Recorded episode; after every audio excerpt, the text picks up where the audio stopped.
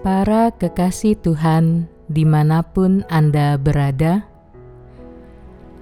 kita berjumpa lagi dalam Kencan dengan Tuhan, edisi hari Rabu, tanggal 24 Februari 2021.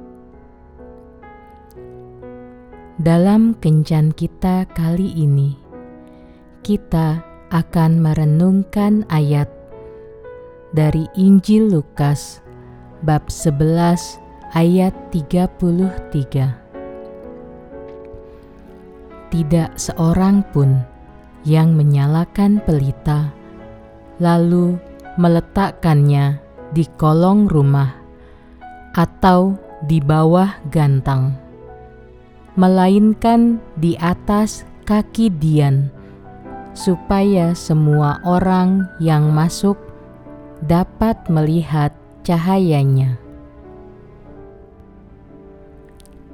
Caesar, seorang mahasiswa asal Meksiko, berada dalam satu kelompok dengan mahasiswa-mahasiswa lain dalam suatu program pendidikan yang dibiayai Erasmus di sebuah kota di Eropa.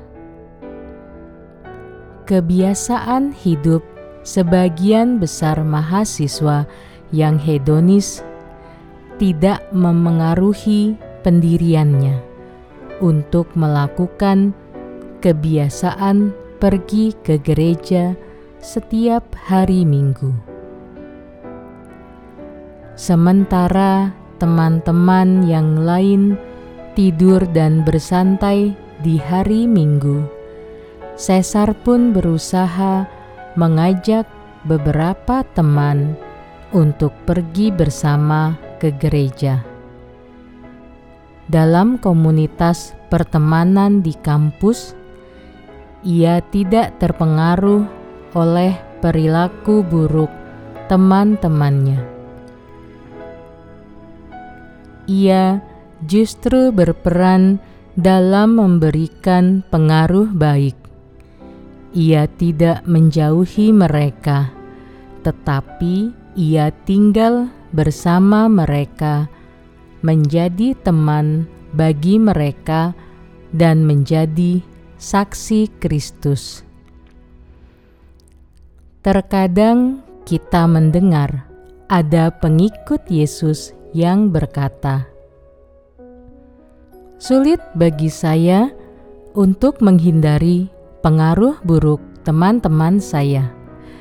Saya terpaksa harus ikut-ikutan dengan mereka."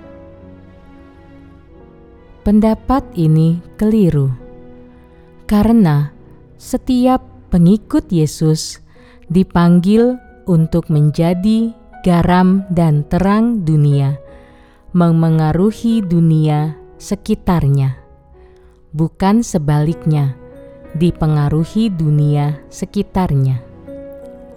Ingatlah bahwa pergaulan yang baik ditentukan dari sikap diri kita sendiri. Pergaulan itu dapat dikatakan baik jika kita dapat menjadi terang Kristus dan memberi teladan hidup bagi teman-teman di lingkungan pergaulan kita. Coba kita renungkan sejenak. Apakah mungkin lilin diletakkan di tempat yang terang? Tentu tidak. Sebatang lilin akan diletakkan di tempat yang gelap untuk menerangi sekitarnya. Bahkan firman Tuhan berkata bahwa kita akan diutus seperti domba di tengah-tengah serigala. Jadi, di dunia ini tidak ada tempat yang sempurna seperti di surga. Pasti di setiap lingkungan pergaulan kita, kita akan dipertemukan dengan orang-orang yang memberikan pengaruh buruk. Bisakah kita justru menjadi terang untuk orang-orang tersebut?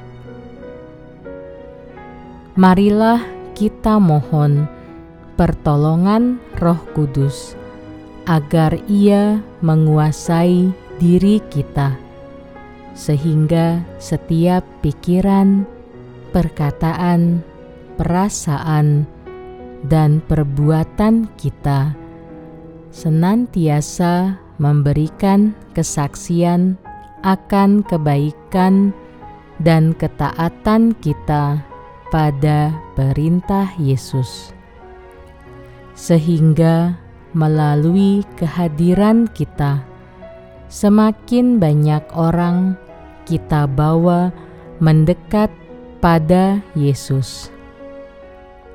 Tuhan Yesus memberkati. Marilah berdoa.